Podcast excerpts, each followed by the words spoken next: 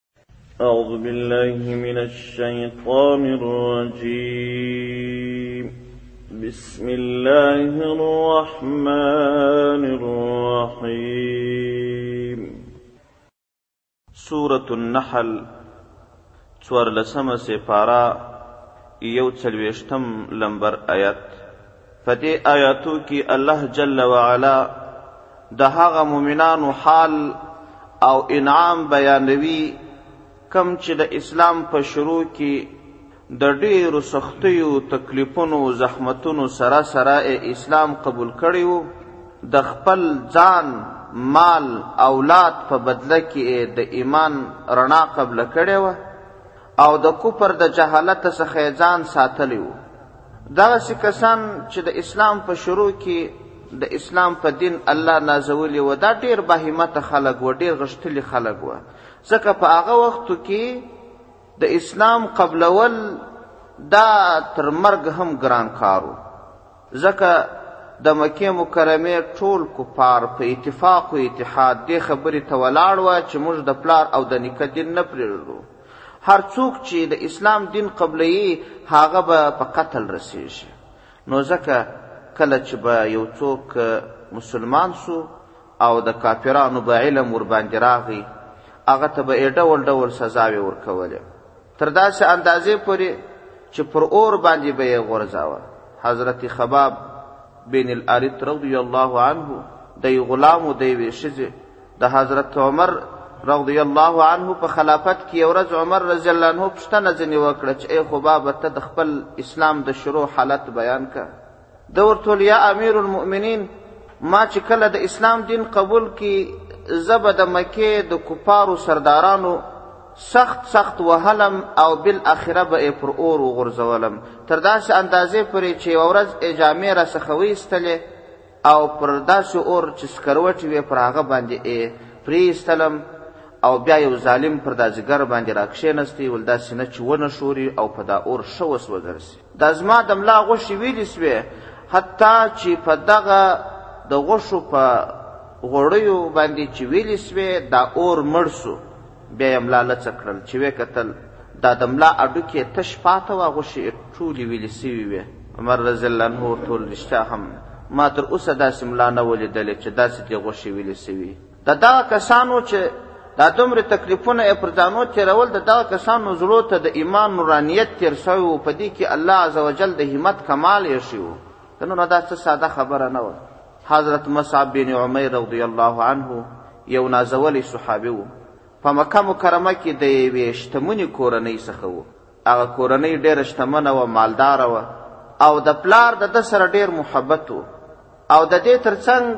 چې الله جل جلاله ښه ځواني ښه قد و قامت او ښایست ورکړي و ښه اخلاق هم الله ورکړي وه او دی په کور کې دومره عزتمن و په خپله کورنۍ کې دومره عزتمن و چې یوه جوړه جامې به پلار په دوه سوه درهمه ورانیولې دوه سوه درهمه دوه سوه درهمه په اوس بازار کې تر پنځوس زره کالدارې به لابود پیسې کېږي په اوس بازار کې نو هغه مهال خو بیخي پیسې نه وې نو دا به څومره غټ قیامت و داسې ورېښمینې جامې پلار ورانیولې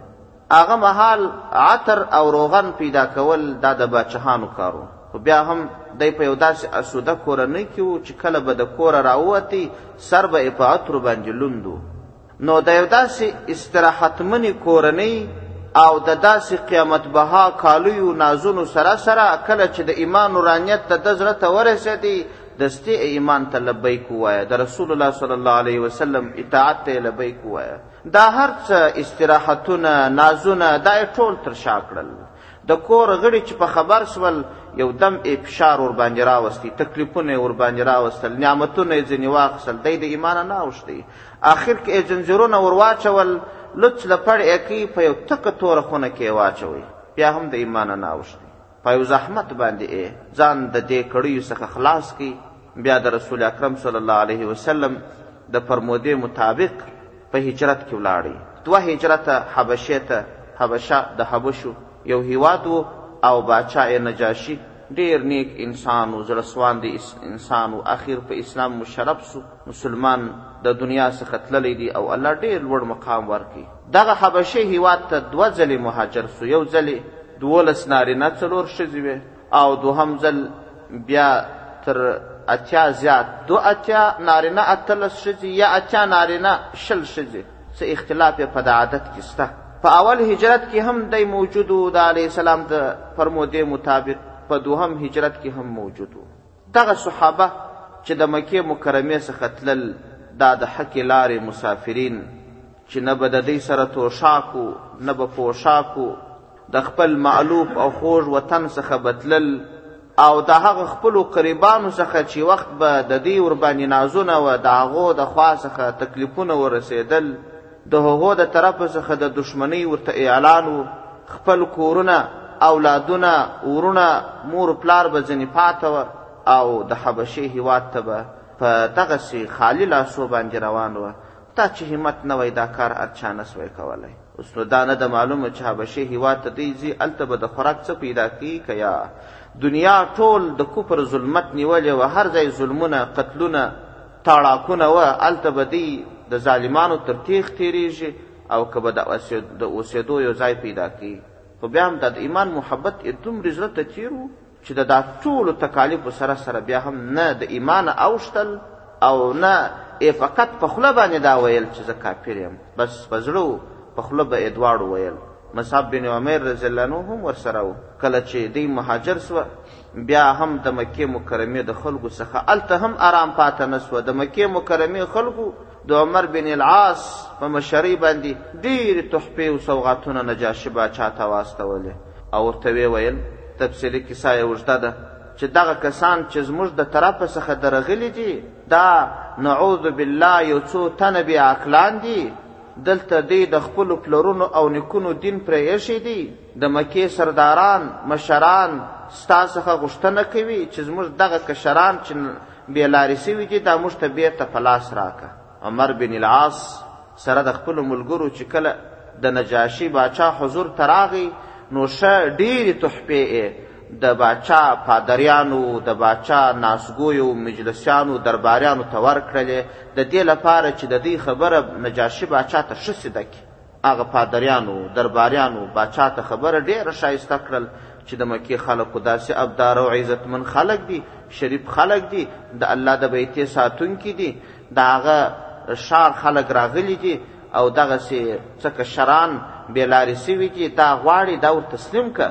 مخکې پادریانو د باچا سره خبره ښه جوړه کړې وه، باچا چې خبره واورېدل دوی یې هم راوغوښتل، دغه د مکې خلک، دغه کافران یې راوغوښتل ورته ویې ویل چې تاسو څه غواړئ؟ دی ورته وویل چې باچا صاحب! زموږ د پلرونو او د نیکونو دین را روان دی، د دنیا د کونج کونج خلک زموږ عزت کوي، موږ د الله د بیت یې احترام ساتلی دی، خدمت مو یې کړی دی، اوس په موږ کې یو څو تنه کشران بې عقلان العیاذ بالله دا را پورته شوي دي، د خپل پلار، نیکه، ورنیکه، د نیکونو دین یې پرې ایښی دی.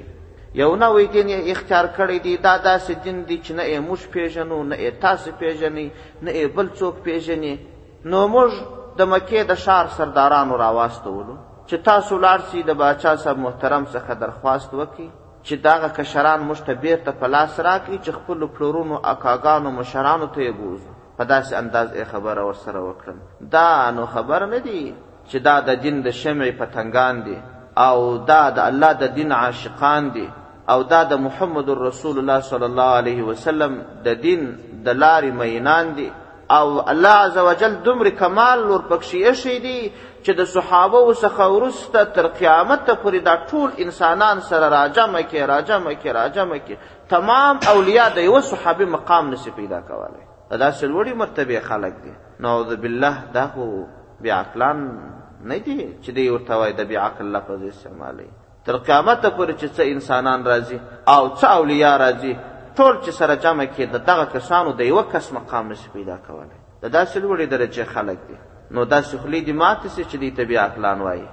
او د الله رحم به نو څنګه نه وي پر داسې کسانو باندې نجاشي باچا چې ډېر زړه سوان دی هوښیار، عقلمند، باچا و، دوی ته یې وویل چې زه خو داسې یو عادت لرم، په پټو سترګو او په ظلم باندې د خپله هېواده هېڅوک نه شړم، زه هغه کسان راغواړم، خبرې یې اورم، که رښتیا هم بې عقلان و، ناپوهان و، پر باطله روان و، د خپلو مشرانو سه سرغړونه کړې وه، باغیان و، یاغیان و، په لاس یې درکوم. او که هغه د یو معقول عذر په وجه راغلي وه دلته زما هیواد ته، دلته یې پناه اخستې وه، هیڅکله یې زه تاسو ته په لاس نه درکوم. باچا خپل قاصد واستوئ، هغه سل کسه مسلمانان چې اتلس ښځینه او دو اتیا نارینه دي، هغو ته یې خپل استازی واستوئ چې باچا خپل حضور ته غوښتي یاست، نو الله جل جلاله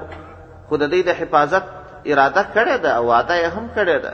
د دې په زړونو کې نو غم او تکلیف پیر سو چې باچا به مونو بندیان کی او باچا به راته ووایي چې تاسو څوک یاست او دا هم زړه ته ولوېدل چې د مکې څخه به خلک راغلي په موږ پسې به یې پل راخستی او باچا ته به یې تورن کړي یو دا چې پر دې هر څه تکلیف تېرېدی هر څه غم ورباندې تېرېدی دا الله ته معلوم دی خو د باچا حضور ته چې کله راغلل ټول ودرېدل د مکې د کافرانو څخه یو منافق کس و دستې باچا ته وویل باچا صاحب وګوره دومرې بې ادبه دي موږ ټول رالو تا ته مو سجده وکړل نور ټول خلک چې راځي تا ته سجده کوي دی راله د هغسې جګ جګ ودرېدلی ولا تا ته سجده ونه کړل ستا احترام نه کوي ستا عزت نه کوي وګوره دومرې بې ادبه خلک دي باچا پوښتنه ځینې وکړه چې او ښه وایي تاسو سجده ولې نه وکړل؟ په هغه زمانه کې دا عادت و رواج و چې خلک به باچا ته ورتل سجده به یې ورته وکړل دغه مسلمانانو ورته وویل چې ای باچا موږ ته چې الله عز وجل کم پیغمبر را لیږلی دی د دغه پیغمبر موږ ته هدایت دی چې د الله بغیر بل هیچ چاته سجده نه دروا نو ځکه موږ تاته سجده ونه کړل موږ د دې دین د حفاظت لپاره څومره ستړیا او تکلیفونه او زحمتونه ګاللي دي او د دې دین څخه مو مخالفت نه کوو نو که د الله بغیره موږ بل چا ته سجده کولی نو د مکې د ښاره به ولې راورک وای بیا باچا ورته وویل وایاست تاسو ولې د خپله ښاره راورک یاست تاسو ولې د خپل پلارو د نیکه دین پرېښی دی حضرت جعفر رضی الله عنه هغه په ډېر ښه انداز باندې د اسلام هغه حقیقت دی ته بیان کړي ول باچا صاحب موږ په توره تیاره کې پراتو په داسې توره تیاره کې وو چې موږ په خپلو لاسو جوړو کړو ډبرو ته سجدې لګولې او د دغسې ډبرو څخه مو معاونت غوښتي خپل نازولي اولادونه لوڼې به مو وژلې او پر نه څه خبره باندې به مو په زرګونو زرګونو مړي سره کول حلال شان به مو ځان ته حرام کړي وه حرام شان به مو ځان ته حلال کړي وه د نکاح معیار معلوم نه و ظلم ور پر خلکو باندې زیات و د ښځو حقونه تر پښو لاندې سوي وه ښځې مظلومې وې د هغو حقونه نه ورکول کېدل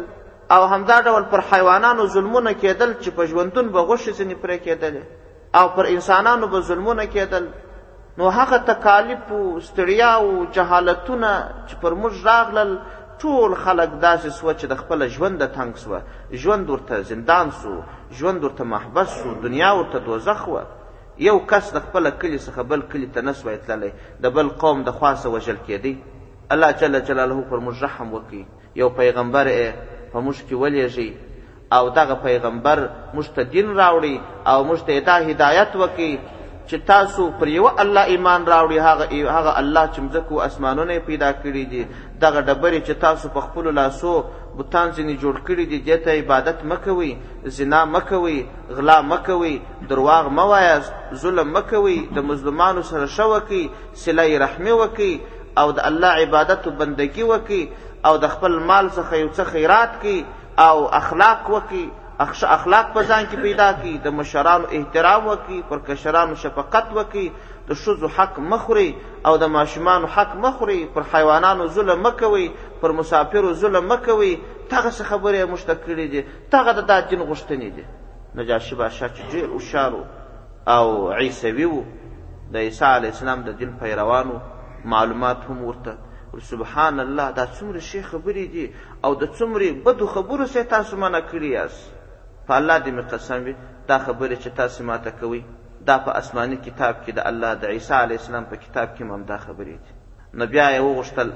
و له هغه کتابه څخه څه آیتونه پر ما باندې ولوله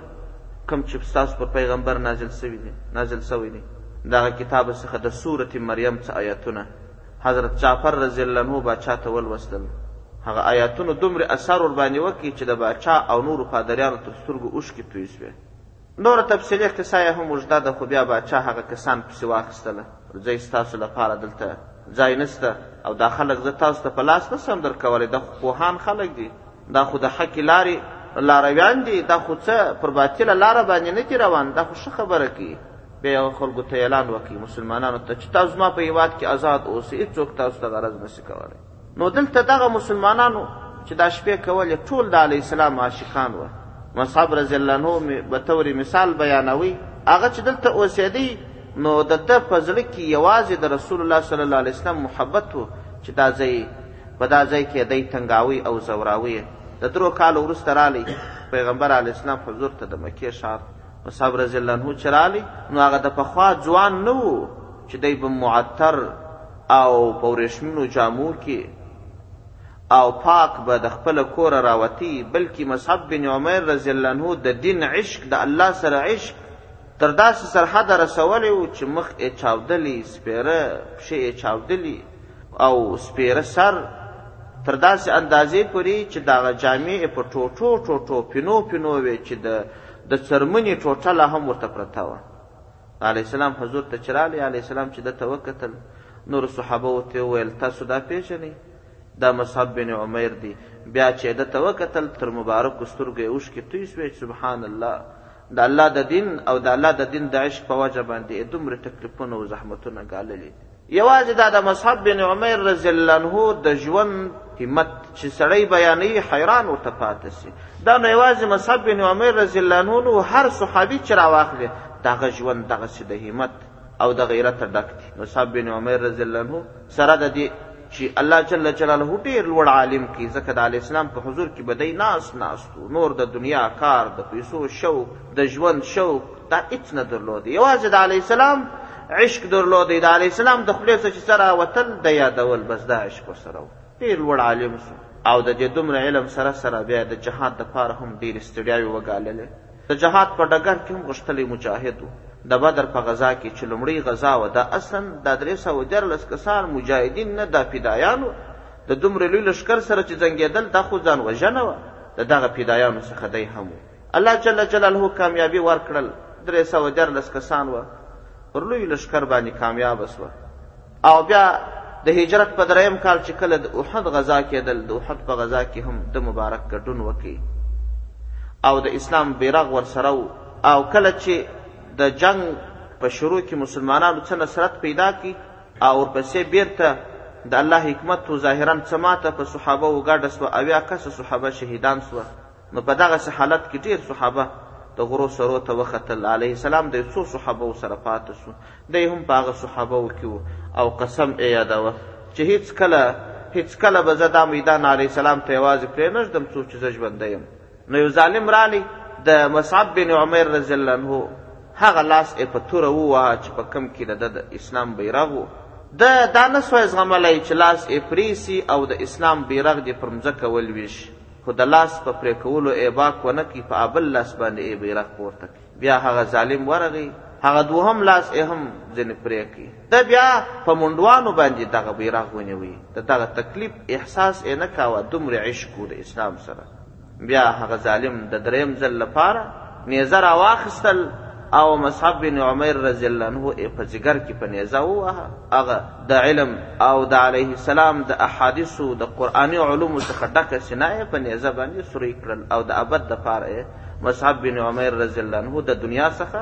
هغه حقیقي دار ته بوتی او په خپل عشق کې کامیاب شو ده نو هغه بعضې بعضې ځایونه او بعضې نقطې یې ما بیان کړلې که نه نو چې د ده د ژوند حالات راواخلې حیران انسان ورته پاتېږي یوازې دی نه هر صحابي چې راواخلې دغسې د اوچتې درجې صحابه په دغسې تکلیفونو کې به یې د علیه السلام د دین محبت کاوه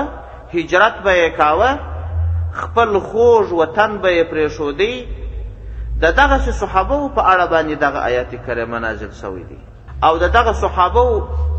د انعام په اړه باندې د آیت کریمه نازل شوی دی او یو عام حکم هم پکښې دی عام حکم به ورسته بیان کوي ور د آیت ترجمه ته راځو والذین هاجروا فی الله من بعد ما ظلموا لنبوئنهم فی الدنیا حسنه ولأجر الآخرة اکبر والذین هغه کسان هاجروا چې هجرت کی فی الله فی رضا الله د الله د رضا لپاره د الله د رضا لپاره خپل خوږ او معلوب وطن پریږدي من بعد ما ورسته تر هغه ظلمو چې ظلم کړل سوی دی پر دوی باندې مظلومان دي ډول ډول ظلمونه یې ګاللي دي لشتي ازغني لشتي یې ګاللي دي غټي غټي ډبرې به یې د صحابه پر جګرونو باندې ایښولې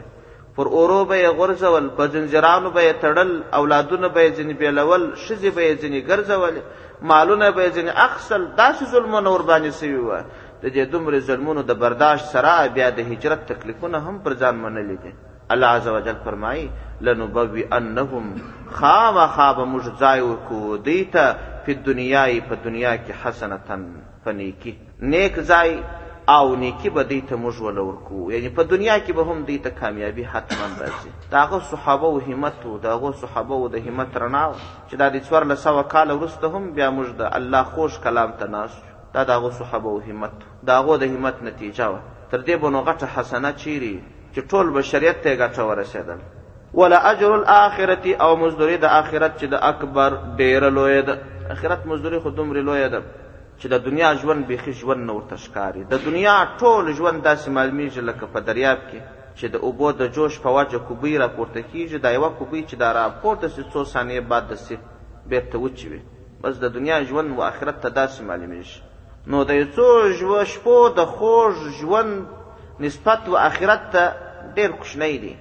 نو ځکه الله وايي ولاجر الاخرة اکبر د اخرت مزدوري ډېره لویه ده ځکه هلته بیا مرګ نه راځي فنا نه راځي لو کانو یعلمون کاش کې دی پوهېدلی کاش کې دی پوهېدلی دغه بدبخته خلک پوهېدلی چې د آخرت مزدوري څومره لویه ده او کم کسان چې موږ ورته تکلیف رسوو ظلم ورباندې کوو او هغو ته الله عزوجل څومره کامیابي ورنصیب کړي او موږ څومره پر باطل روان یو الذین هغه کسان صبرو چې صبر یې کړی دی دا ټول تکلیفونه یې برداشت کړي دي وعلى ربهم يتوکلون او پر رب خپل باندې توکل کوي د خپل شاره بواتي هلته خدا سولتونه نه و چې ته دا وایې چې زه به د دې ځای مهاجر سم بل شار ته به ولاړ سم هلته به کور په کرایه ونیسم دستي به کار شروع کړم یا هلته داسې نه وه که هلته چې د خپله وطنه مهاجر کېدلی یا به نه مهاجر کېدلی یا به دې وچ کلک توکل جوړ وای چې بل ځای ته تللی نو هر ځای چې تللی وای ستا دپاره خو کور جوړ نه و نو هلته ستا دپاره کار و معامله وه نه د پیسو ګټلو څه شی و ستا به دلته مالداري وه یا به د یو کښت و کرونده وه بل څه نه وه نو مالداري کښتو کرونده خو په مکه مکرمه کې نه وه او مالداري هغه به کفارو ګرځول خالي لاس به دغه صحابه مهاجر سوه مدینې منورې ته به روان سوه نو دی چې به تلل یوازې توکل به یې پر الله او بل شی به نه او صبر به یې هم و هېڅ پروا به یې نه کول وعلى ربهم یتوکلون او پر رب خپل باندې توکل کوي دا د دې مهاجرو صحابو مقام و اوس رالوه دې خبرې ته چې هجرت وپېژنو هجرت څه ته وایي هجرت هجرت په لغت کې ترک وطن ته وایي خپل وطن پرېښودل او په اصطلاح کې هجرت پرېښودل د خپل وطن دی لرضا الله تعالی د الله د رضا لپاره د دارالحرب څخه دارالاسلام ته دا د هجرت اصطلاحي معنا ده او دا هجرت څو قسمه دی یو قسم هجرت فرض عین دی هغه هجرت چې فرض عین دی هغه هجرت دا دی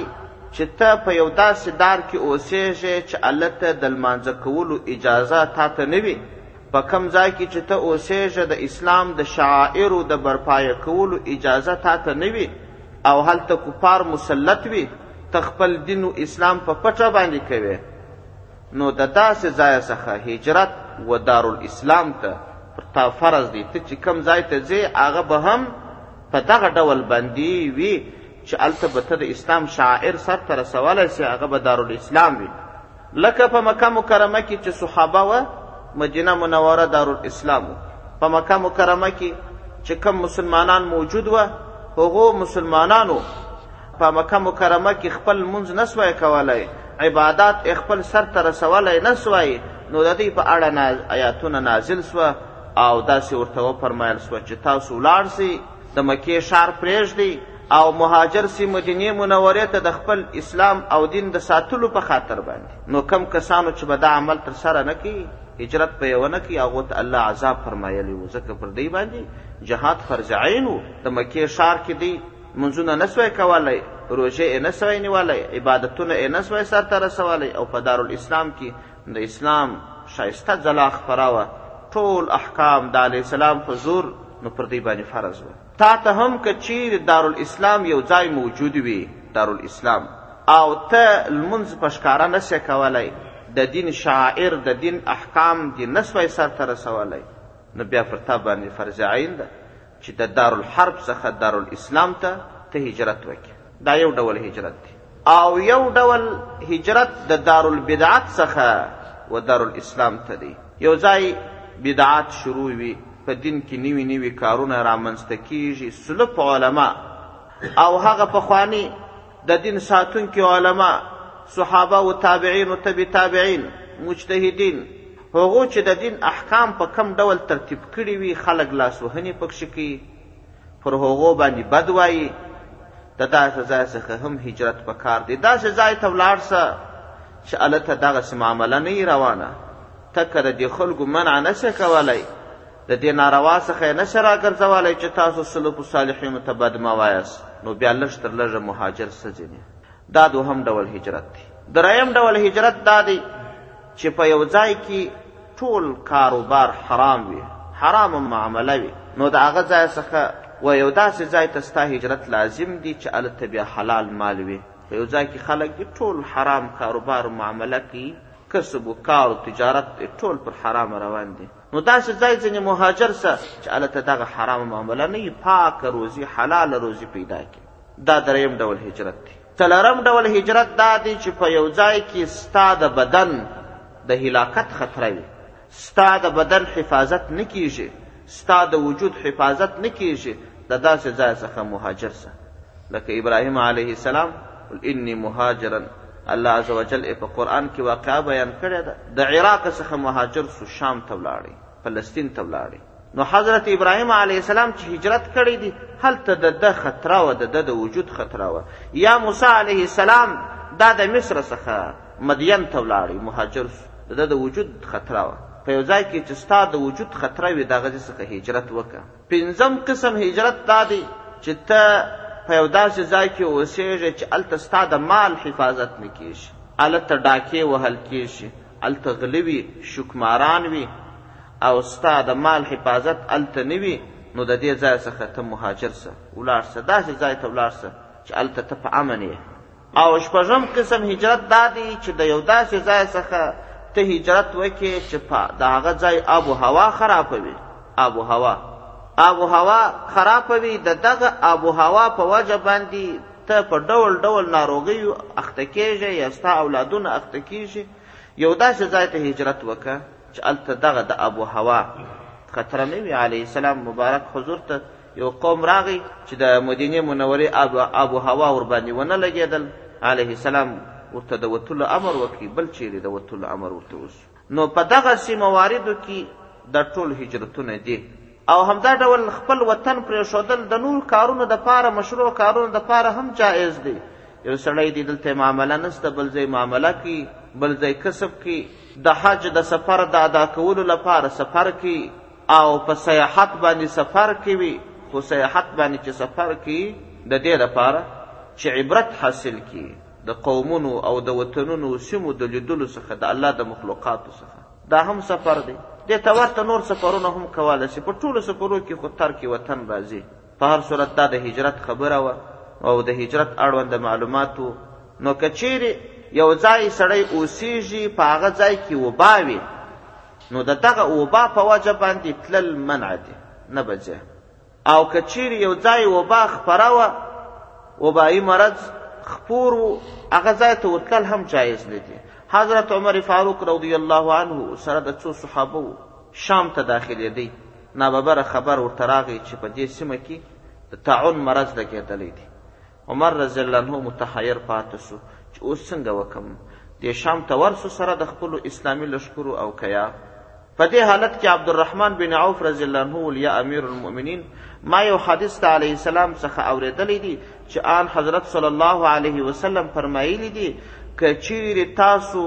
یو ځای ته ورغلی واست او په هغه ځای کې وبا او طاعون مرض ګډ و د دې ځای څخه مه وځئ ځکه دا د مسلمان د عقیدې کمزوروالی دی خو که چیرې په کم ځای کې او کم وبایي مرض ګډ و هلته بیا ورځئ مه بیا عمر رضی الله عنه خپل ملګري راوګرځول د شام د لوري څخه بل طرف ته ولاړ په هر صورت سفرونه نور ډولونه هم سته هغه تر ټولو لوړه مرتبه یې هغه د هجرت ته چې سړی ټول تکالیف پر ځان باندې قبول کړي د اسلام په وجه باندې هجرت وکړي نو هغه هجرت په څه وخت پیدا کیږي او څه وخت به وي څه وخت به نه وي دا بیا بېله خبره سبحان ربک رب العزة عما یصفون وسلام علی المرسلین